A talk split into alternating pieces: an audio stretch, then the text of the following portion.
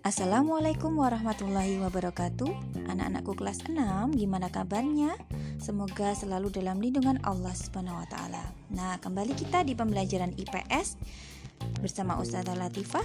Kali ini kita akan belajar uh, silahkan siapkan buku LKS-nya kemudian dibuka halaman 48. Nah, kalau sudah kalian buka halaman 48, silakan disimak uh, cara mempertahankan kemerdekaan negara Indonesia. Nah, kita tahu bahwa Indonesia itu merdeka pada tanggal 17 Agustus 1945 dan pada tanggal itu merupakan sumber hukum bagi pembentukan Negara Kesatuan Republik Indonesia. Kenapa? Karena pada tanggal tersebut kita sudah memproklamasikan bahwa kita sudah terbebas dari penjajahan dari bangsa lain. Nah, bagaimana caranya e, mewujudkan rasa syukur kita atas adanya proklamasi? Nah, ada beberapa cara, ada lima cara di sini. Kita bahas satu persatu ya. Dari yang pertama, kita harus mensyukuri nikmat kemerdekaan dengan jalan mengisi kemerdekaan sesuai dengan kemampuan, keahlian, dan keterampilan masing-masing. Nah, kalau kita e, sebagai pelajar Nah, cara kita mensyukuri kemerdekaan itu ya dengan cara belajar yang giat supaya nanti kita bisa menjadi orang yang berguna bagi bangsa dan negara gitu.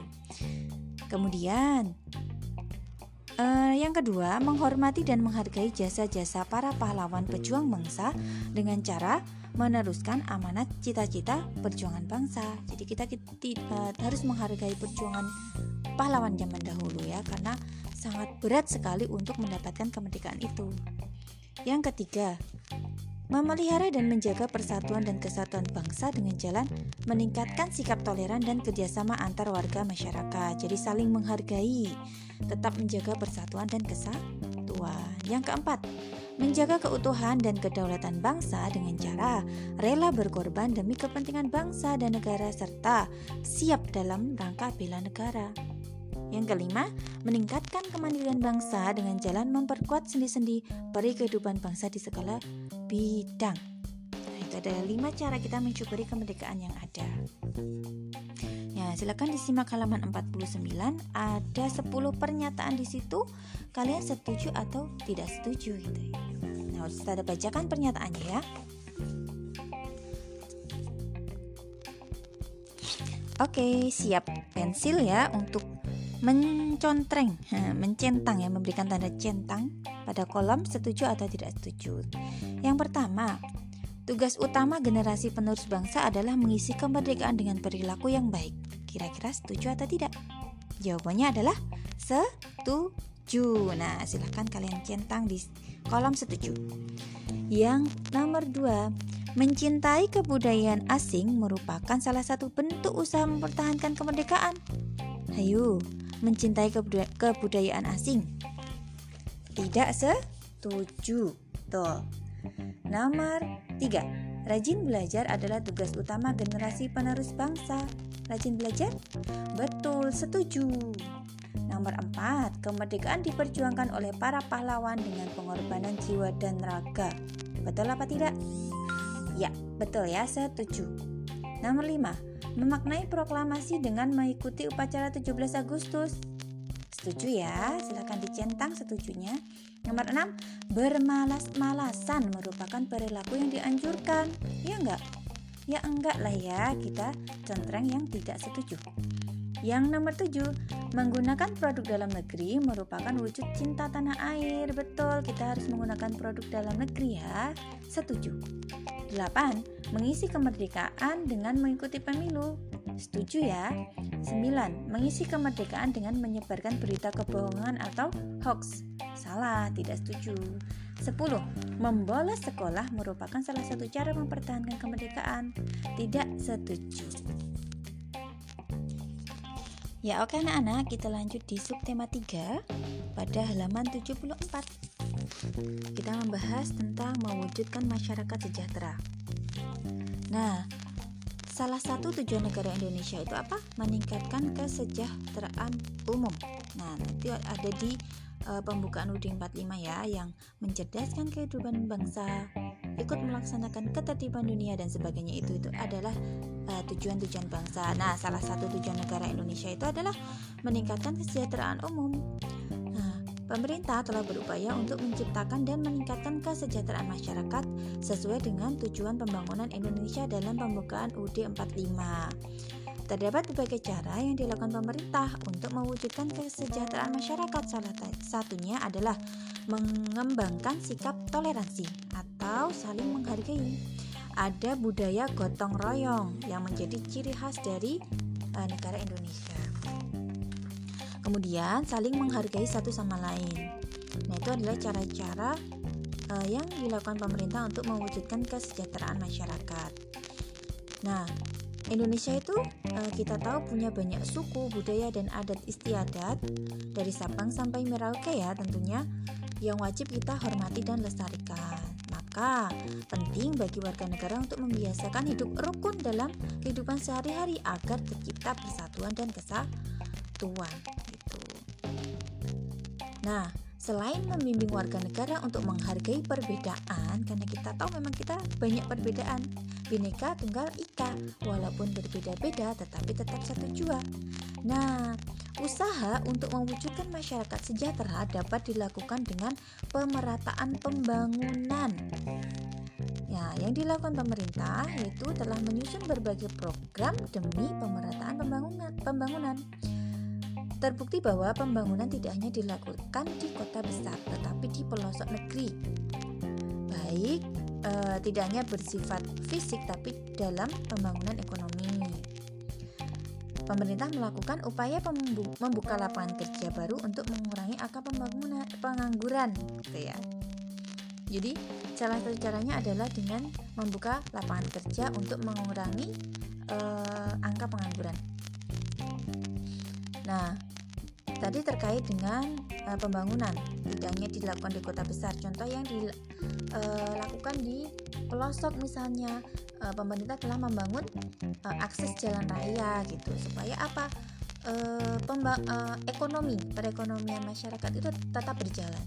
Jadi kalau misalnya tidak ada jalan raya di pelosok-pelosok itu tidak dibangun nanti uh, kasihan ya mereka yang punya apa pertanian di pelosok tidak bisa mendistribusikan hasilnya ke kota-kota besar kayak gitu. Jadi harus uh, apa namanya diseimbangkan antara kota dan pelosok di desa-desa itu pembangunan tetap merata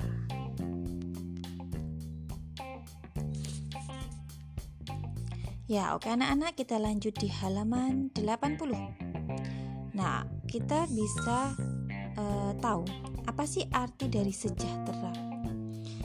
Kesejahteraan itu memiliki makna suatu keadaan di mana kita bisa merasakan uh, aman, tentram, damai, gitu ya. Namanya sejahtera. Jadi kesejahteraan umum berarti suatu keadaan sejahtera yang dimiliki secara umum. Kesejahteraan ada dua jenis, kesejahteraan jiwa dan sosial. Kesejahteraan sosial adalah kondisi terpenuhnya kebutuhan material, spiritual, dan sosial warga negara agar dapat hidup layak dan mampu mengembangkan diri, sehingga dapat melaksanakan fungsi sosialnya. Kalau kesejahteraan jiwa berkaitan berkaitan erat dengan kesehatan jiwa. Nah, langkah-langkah yang ditempuh pemerintah dalam meningkatkan kesejahteraan umum warga negara yang pertama, optimalisasi lalu lintas dan angkutan jalan. Seperti tadi ya pemerataan pembangunan terkait jalan raya juga. Kemudian nomor dua APBN dan APBD ini anggaran belanja negara ya. Kemudian nomor tiga adanya peraturan perundang-undangan yang mengatur hak warga negara. Ya, kita tahu kita punya UUD 45 di sana ada hak dan kewajiban warga negara ya. Yang keempat, pemberian jaminan kesejahteraan sosial untuk rakyat. Yang kelima, jaminan keamanan dan keselamatan. Yang keenam, jaminan beragama. Yang ketujuh, jaminan pekerjaan. Yang kedelapan, jaminan penghidupan yang layak. Yang kesembilan, jaminan kesehatan. Dan yang kesepuluh, perekonomian pro rakyat. Semua itu sudah ada tercantum dalam UUD 45 kita. Nah, langkah-langkah yang harus ditempuh pemerintah untuk mencukupi kesejahteraan kita ya seperti itu. Ya, oke anak-anakku semuanya. Um, pembahasan materinya di subtematika sudah selesai. Silakan kalian buka halaman 96, Ustazah akan bahas sekalian latihan soalnya. Nah, kita bahas silakan nanti kalian uh, tuliskan atau uh, berikan tanda silang pada LKSmu sendiri ya dan isikan isian Romawi 2 pada LKSmu juga. Ustazah akan bantu untuk membahasnya ya. Ya, sudah siap halaman 96 nomor 1. Setiap peraturan berlaku dalam suatu negara harus bertujuan untuk A. Mensejahterakan pemerintah B. Agar tidak ditakuti negara lain C. Kesejahteraan rakyat Atau D. Menyejahterakan pedagang dan pengusaha Jawaban yang paling tepat adalah yang C. Kesejahteraan rakyat Nomor 2 Manfaat kesejahteraan masyarakat yaitu A. Meningkatkan taraf kehidupan B. Memicu perang C. Mampu menguasai negara asing D. Meningkatkan jumlah penduduk Jawaban yang paling tepat adalah yang A Meningkatkan taraf kehidupan Nomor 3 Memberikan arah dan kewenangan bagi bangsa Indonesia untuk menuju masyarakat yang sejahtera dengan kekuasaan serta menguasai dan mengelola sumber daya sumber-sumber daya ekonomi secara mandiri adalah fungsi A proklamasi, B. Pancasila, C. Keputusan Presiden atau D. Aturan Umum. Jawaban yang paling tepat adalah yang A. Proklamasi. Nomor 4. Berikut yang menunjukkan kesejahteraan di bidang ekonomi adalah A. Mahalnya harga kebutuhan pokok Enggak ya B. Upah yang rendah bagi para pekerja Enggak juga ya, harusnya upahnya jangan rendah ya Yang C. Kebutuhan hidup terpenuhi dengan mudah atau D sulitnya mendapatkan beras. Sejahtera berarti yang C, kebutuhan hidup terpenuhi dengan mudah. 5. Mengadakan sosialisasi pembibitan lahan persawahan ditujukan kepada yang paling tepat adalah B, petani. Yang keenam, salah satu upaya pemerintah mengembangkan kesejahteraan masyarakat adalah membeli potensi daerah, memamerkan hasil daerah, mengadakan pelatihan UMKM, atau membeli produk Indonesia? Jawaban yang tepat adalah yang C. Pelatihan UMKM, usaha usaha itu ya mandiri ya. Kecil dan menengah. Lanjut. Nomor 7. Kesejahteraan masyarakat dapat dikembangkan melalui program KB Keluarga Berencana, KIS Keluarga Indonesia Sejahtera atau BPJS atau koperasi.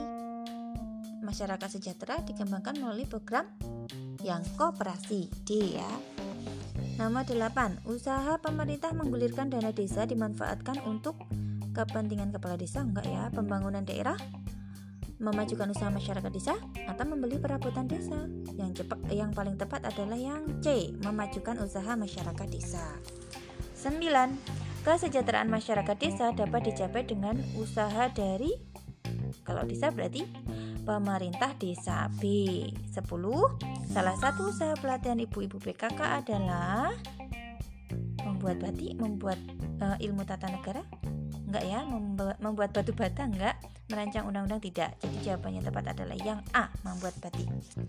Romawi 2. Warga negara harus menerapkan sikap titik-titik agar tidak terjadi perselisihan dalam perbedaan. Kata kuncinya adalah perselisihan. Berarti yang harus dikembangkan adalah sikap toleransi.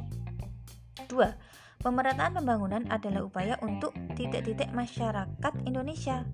Pemerataan pembangunan kata kuncinya berarti untuk apa? Menyejahterakan.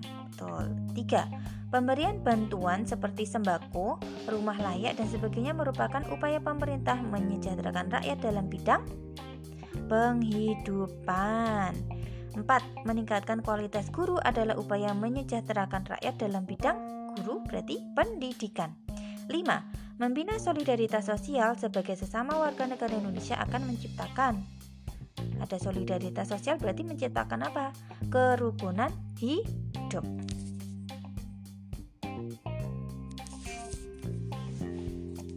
Nah, oke, okay, anak-anakku semuanya, uh, pembahasan di tema 6 sudah selesai?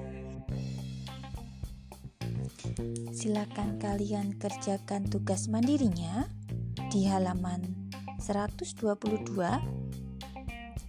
IPS KD 3.4 sampai halaman 123 Romawi 1 dan Romawi 2 silakan kalian nanti tugasnya dikirim ke Ustazah Latifah via WA Japri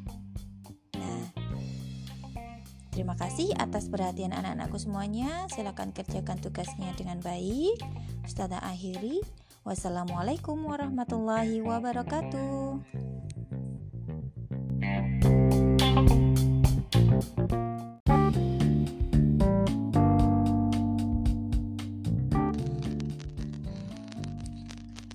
Assalamualaikum warahmatullahi wabarakatuh Anak-anakku kelas 5 Kembali bersama Ustazah Latifah. Kita akan belajar IPS Kita akan mulai di tema 7 Tema 7 Silahkan disiapkan bukunya di subtema 1 ya. Yang belum menyiapkan silahkan disiapkan terlebih dahulu untuk menyimak penjelasan dari Ustazah ya Oke, kali ini kita akan belajar tentang KD 3.4 mengidentifikasi faktor-faktor penting penyebab penjajahan bangsa Indonesia dan upaya bangsa Indonesia dalam mempertahankan kedaulatannya.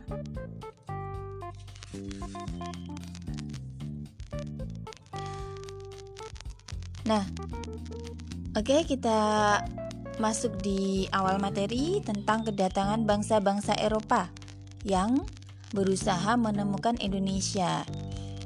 Nah, alasan kenapa bangsa-bangsa Eropa ingin uh, datang ke Indonesia adalah karena di Indonesia itu sangat tersedia banyak rempah-rempah yang bagus. Jadi, uh, bangsa-bangsa Eropa ini melakukan penjelajahan samudera keliling dunia karena mereka ingin mendapatkan rempah-rempah di tempat yang baru. Salah satunya mereka ketemu di Indonesia dengan rempah-rempah yang bagus dan murah. Itu selain itu orang-orang Indonesia itu juga ramah-ramah yang sang, yang e, menyebabkan bangsa Eropa itu sangat menyukai Indonesia. Nah, beberapa faktor pendorong bangsa Eropa melakukan penjelajahan samudra.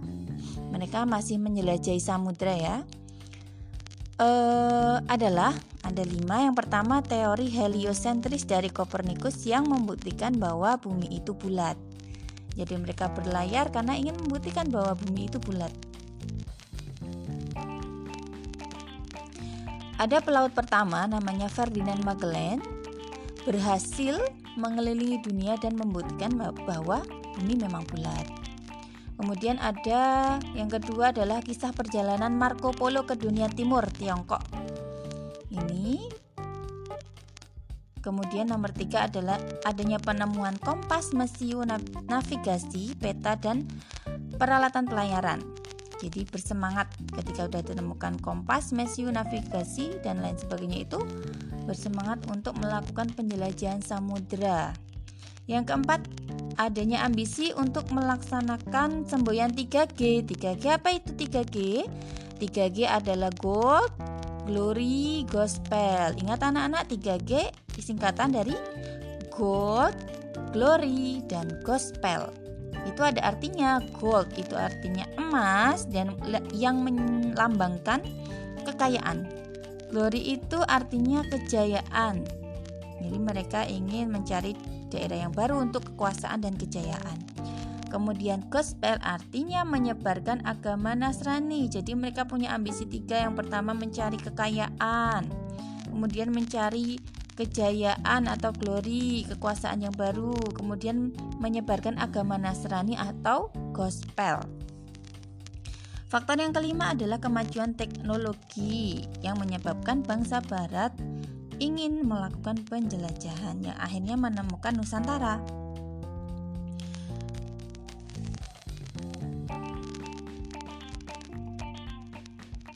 Nah, bangsa barat tadi melakukan penjelajahan samudera dan menemukan Indonesia. Mereka tertarik dengan Indonesia kenapa? Karena rempah-rempah yang bagus di Indonesia. Mereka awalnya hanya ingin mencari rempah-rempah, tapi karena uh, bangsa Indonesia itu sangat ramah. Nah, makanya bangsa Barat ini sangat tertarik dengan Indonesia dan ingin menguasai bangsa Indonesia. Yang akhirnya nanti mereka akan melakukan penjajahan di Indonesia.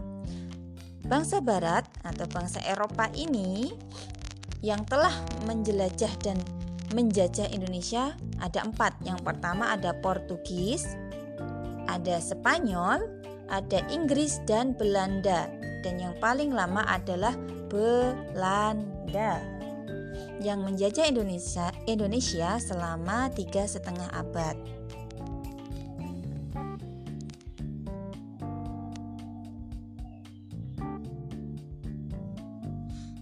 Nah, jika ditanya apa sih tujuan bangsa barat datang ke Indonesia? Jawabannya adalah untuk mencari rempah rempah dan e, di mana bangsa barat pertama kali mendarat di Indonesia di Malaka. Gitu ya. Kemudian ada beberapa hal yang melatar belakangi bangsa barat datang ke Indonesia.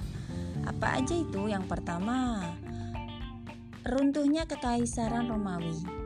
Kemudian yang kedua, jatuhnya Konstantinopel ke tangan umat Islam atau Turki Utsmani. Yang ketiga adanya perang salib. Yang keempat itu mencari rempah-rempah. Yang kelima penjelajahan samudra. Yang keenam faktor idealisme. Yang tiga kita dia gold, glory, gospel. Kemudian yang ketujuh adalah perkembangan iptek. Jadi karena adanya kemajuan teknologi seperti ditemukannya kapal uap, kompas, navigasi dan peralatan kapal serta mesin yang dapat mempermudah pelayaran gitu ya. Jadi ada tujuh hal yang melatar belakangi bangsa barat ke Indonesia. Ya, oke Nana. Coba jika nanti ada pertanyaan. Bangsa Eropa yang pertama kali melakukan penjelajahan samudera ke Indonesia adalah titik-titik. Nah, kira-kira siapa ya? Ada pilihannya, ada Portugis, Belanda, Inggris, Spanyol. Nah, jawaban yang paling tepat adalah Portugis. Jadi urutan kedatangan bangsa Eropa itu yang pertama adalah Portugis, kemudian Spanyol, Inggris, baru Belanda ya.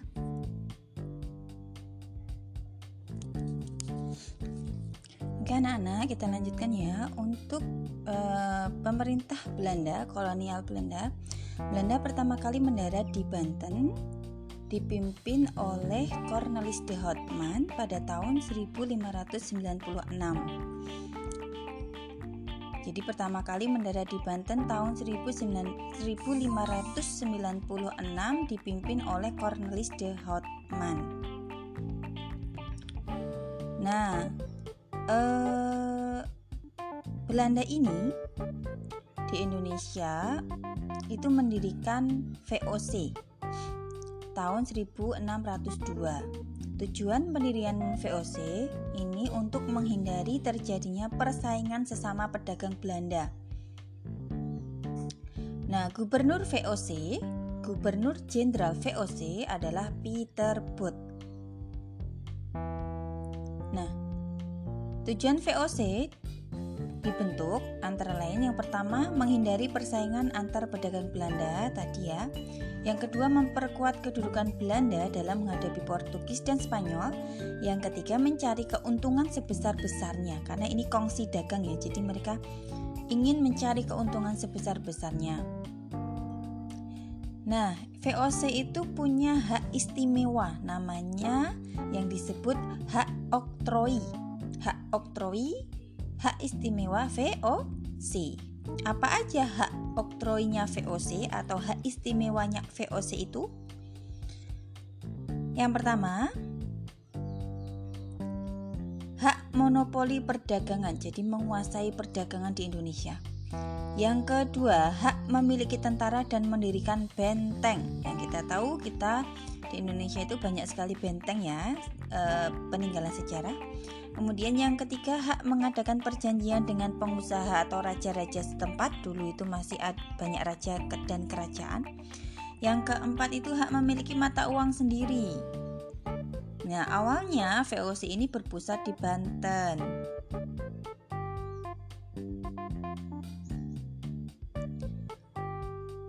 Tahun 1618 ada orang orang Belanda namanya Jan Peter Zunkon mendirikan JP Kun biasanya singkatannya mendirikan benteng di Jayakarta.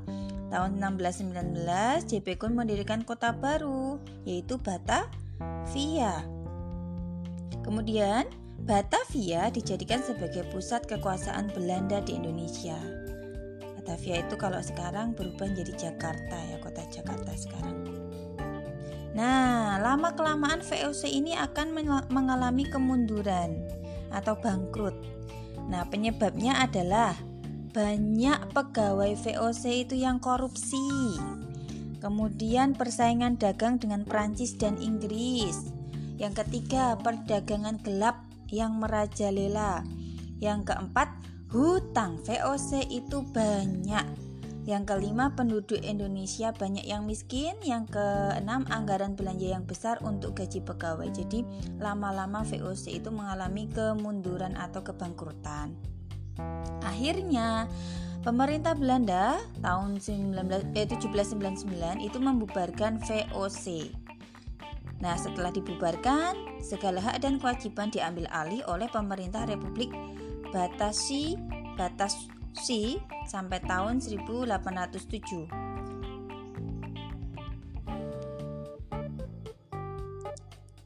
Nah, itu tadi adalah sedikit sejarah tentang pemerintah kolonial Belanda. Nah, kita lanjutkan sekarang kita ke pemerintah kolonial Inggris. Nah, sejak tahun 1811 Indonesia di bawah kekuasaan Inggris. Ya. Nah, ada orang Inggris namanya Thomas Stamford Raffles. Itu dia sebagai kepala pemerintahan Inggris di Indonesia. Thomas Stamford Raffles. Nah, Raffles mulai tugasnya tahun 1811. Pada masa pemerintahan Raffles, banyak mengadakan perubahan dan kebijakan. Yang pertama tentang birokrasi pemerintah. Nah, dalam pemerintahannya Raffles ini Pulau Jawa dibagi menjadi 16 karesidenan. Kemudian, yang kedua, perubahan pada bidang ekonomi dan keuangan. Pada pada bidang ekonomi, petani itu diberikan kebebasan menanam tanaman ekspor dan penghapusan pajak hasil bumi, kontingenten, dan sistem penyerahan wajib. Kemudian menetapkan sistem sewa tanah atau landren. Kemudian yang ketiga tentang bidang hukum. Uh, pada masa Raffles terdapat badan-badan penegak hukum Court of Justice terdapat setiap pada uh, residennya. Tadi kan dibagi ke residen ya. Jadi ada badan-badan penegak hukumnya. Yang keempat, bidang sosial. Nah, pada zaman dahulu pada zaman Belanda itu ada yang namanya kerja paksa atau yang disebut sebagai kerja rodi. Nah, ketika pemerintahnya Raffles uh, di bidang sosial ini kerja rodi dihapuskan dan menghapuskan perbudakan. Tetapi dalam praktiknya tetap ada pelanggaran-pelanggaran gitu ya. Jadi ya masih ada semacam perbudakan. Yang kelima bidang ilmu pengetahuan. Adanya buku berjudul History of Java di London 1817 juga ada ditulisnya buku berjudul History of the East Indian Archipelago di Edinburgh 1821. Jadi uh, dari dua pemerintahan kolonial yang pertama Belanda dan Inggris, kebijakan yang diterapkan di pemerintah kolonial Belanda itu adalah kerja rodi. Jadi kerja paksa gitu ya. Kemudian kalau di pemerintahan kolonial Inggris itu kebijakannya adalah sistem sewa tanah atau landren. Nah, kalau yang pemerintah kolonial Belanda itu daerah kekuasaannya di Maluku Ambon, kalau pemerintah Inggris itu daerah kekuasaannya di Pulau Jawa. Kalau eh, tahunnya Waktu mulai pemerintahannya itu, pemerintah Belanda itu 1596 yang pertama kali mendarat di Banten Kemudian yang Inggris itu 1811. Kemudian tokoh yang paling terkenal pada masa pemerintahan Belanda itu adalah Daendels. Nah, jadi Daendels itu adalah orang yang um, apa ya? Sangat kejam ya, dia mencetuskan kerja paksa. Kemudian membangun jalan 1000 km dari Anyer sampai Panarukan gitu. Yang mewajibkan rakyat Indonesia untuk kerja paksa di situ ya. Kemudian kalau yang pemerintah Inggris itu yang tokoh terkenalnya adalah Thomas Stamford Raffles. Nah, kenapa rakyat Indonesia menderita pada pemerintahan Belanda? Kalau pada pemerintahan Belanda menderita karena harus kerja rodi atau kerja paksa. Kemudian yang kalau di pemerintahan Inggris karena dipaksa melakukan sistem sewa tanah karena rakyat akan merugi. Jadi mereka membayar sewa untuk tanah mereka sendiri gitu. Kemudian dua-duanya ini pemerintah Belanda dan pemerintah Inggris yang dipimpin Daendels dan Stamford Raffles ini dua-duanya sangat kejam, sangat merugikan bangsa Indonesia. Oke, Ustazah akan membacakan latihan soal. Ustazah akan memberikan 5 soal untuk kalian. Akan Ustazah uh, sampaikan secara lisan di sini ya. Soal yang pertama, apakah yang dimaksud dengan gold, glory, gospel?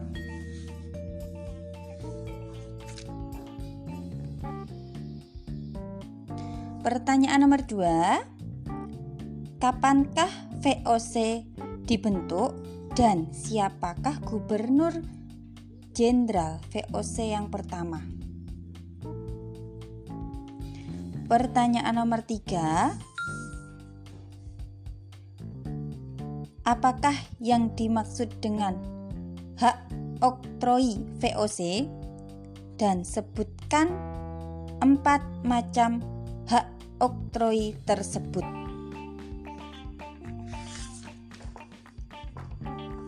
Pertanyaan nomor 4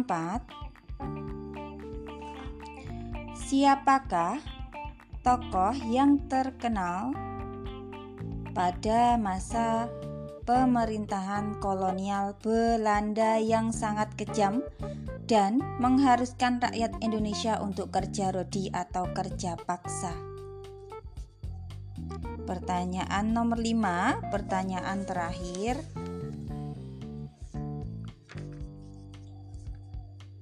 Siapakah? Pertanyaan yang terakhir, kelima, siapakah tokoh yang terkenal pada pemerintahan kolonial Inggris dan apa kebijakan yang paling terkenal darinya?